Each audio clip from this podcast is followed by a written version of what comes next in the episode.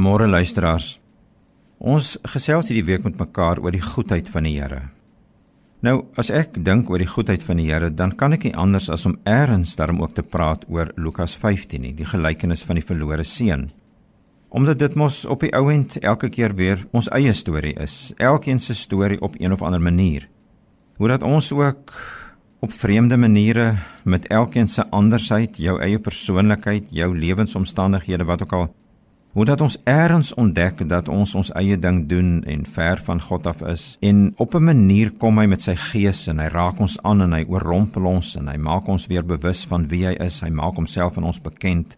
Hy maak ons bewus van sy liefde en beleef ons hierdie waarheid soos wat die verlore seun beleef het dat ek welkom by hom is, dat ek terug kan kom na hom toe, dat niks nog ooit gekeer het dat ek kan terugkom na hom toe nie. Julle onthou mos die storie van die verlore seun, hoe hy geëis het, gee my my deel van my erfporsie en hy gaan weg en hy doen sy eie ding.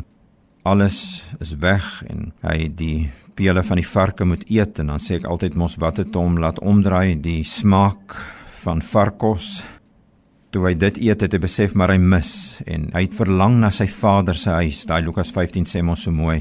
Hy onthou daar's brood in sy vader se huis. Hy sien nie kans vir hierdie kos wat hy moet eet nie en hy besef daar's brood in sy vader se huis en dat hy kan teruggaan. En dan gaan hy terug en hy het hierdie gedagtes mos nou van hoe hy wil opmaak en regmaak en uitsorteer en vergifnis vra. En soos 'n arbeider sal gaan werk, al hierdie goed waarmee ek en jy maklik identifiseer. En dan as hy nou terugkom en mos nou nader kom, dan kom sy vader en hy hardloop hom tegemoet. En dan's die wonderlike waarheid mos nou juist dat dit vir 'n vader, 'n ouer man in daai tyd nie, dit was nie waardig om te hardloop nie. En dat hierdie vader hardloop na sy seun toe. Wat ons maar eintlik 'n beeld is van God wat nog altyd wag vir my en vir jou. En op 'n dag dan sien hy ons van ver af en dan hardloop hy ons tegemoet. Dan kom hy in Christus, dan weet hy ons is so honger en so moeg gesukkel op ons eie manier en ons het so droog gemaak.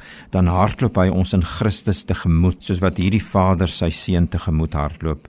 En voordat hy nog iets kom sê, soen hy hom en hy hang vir hom 'n kleed en hy gee vir hom 'n ring en hy gee vir hom skoene aan sy voete. Al hierdie goed het simboliese waarde om maar net te sê jy's welkom terug in my huis.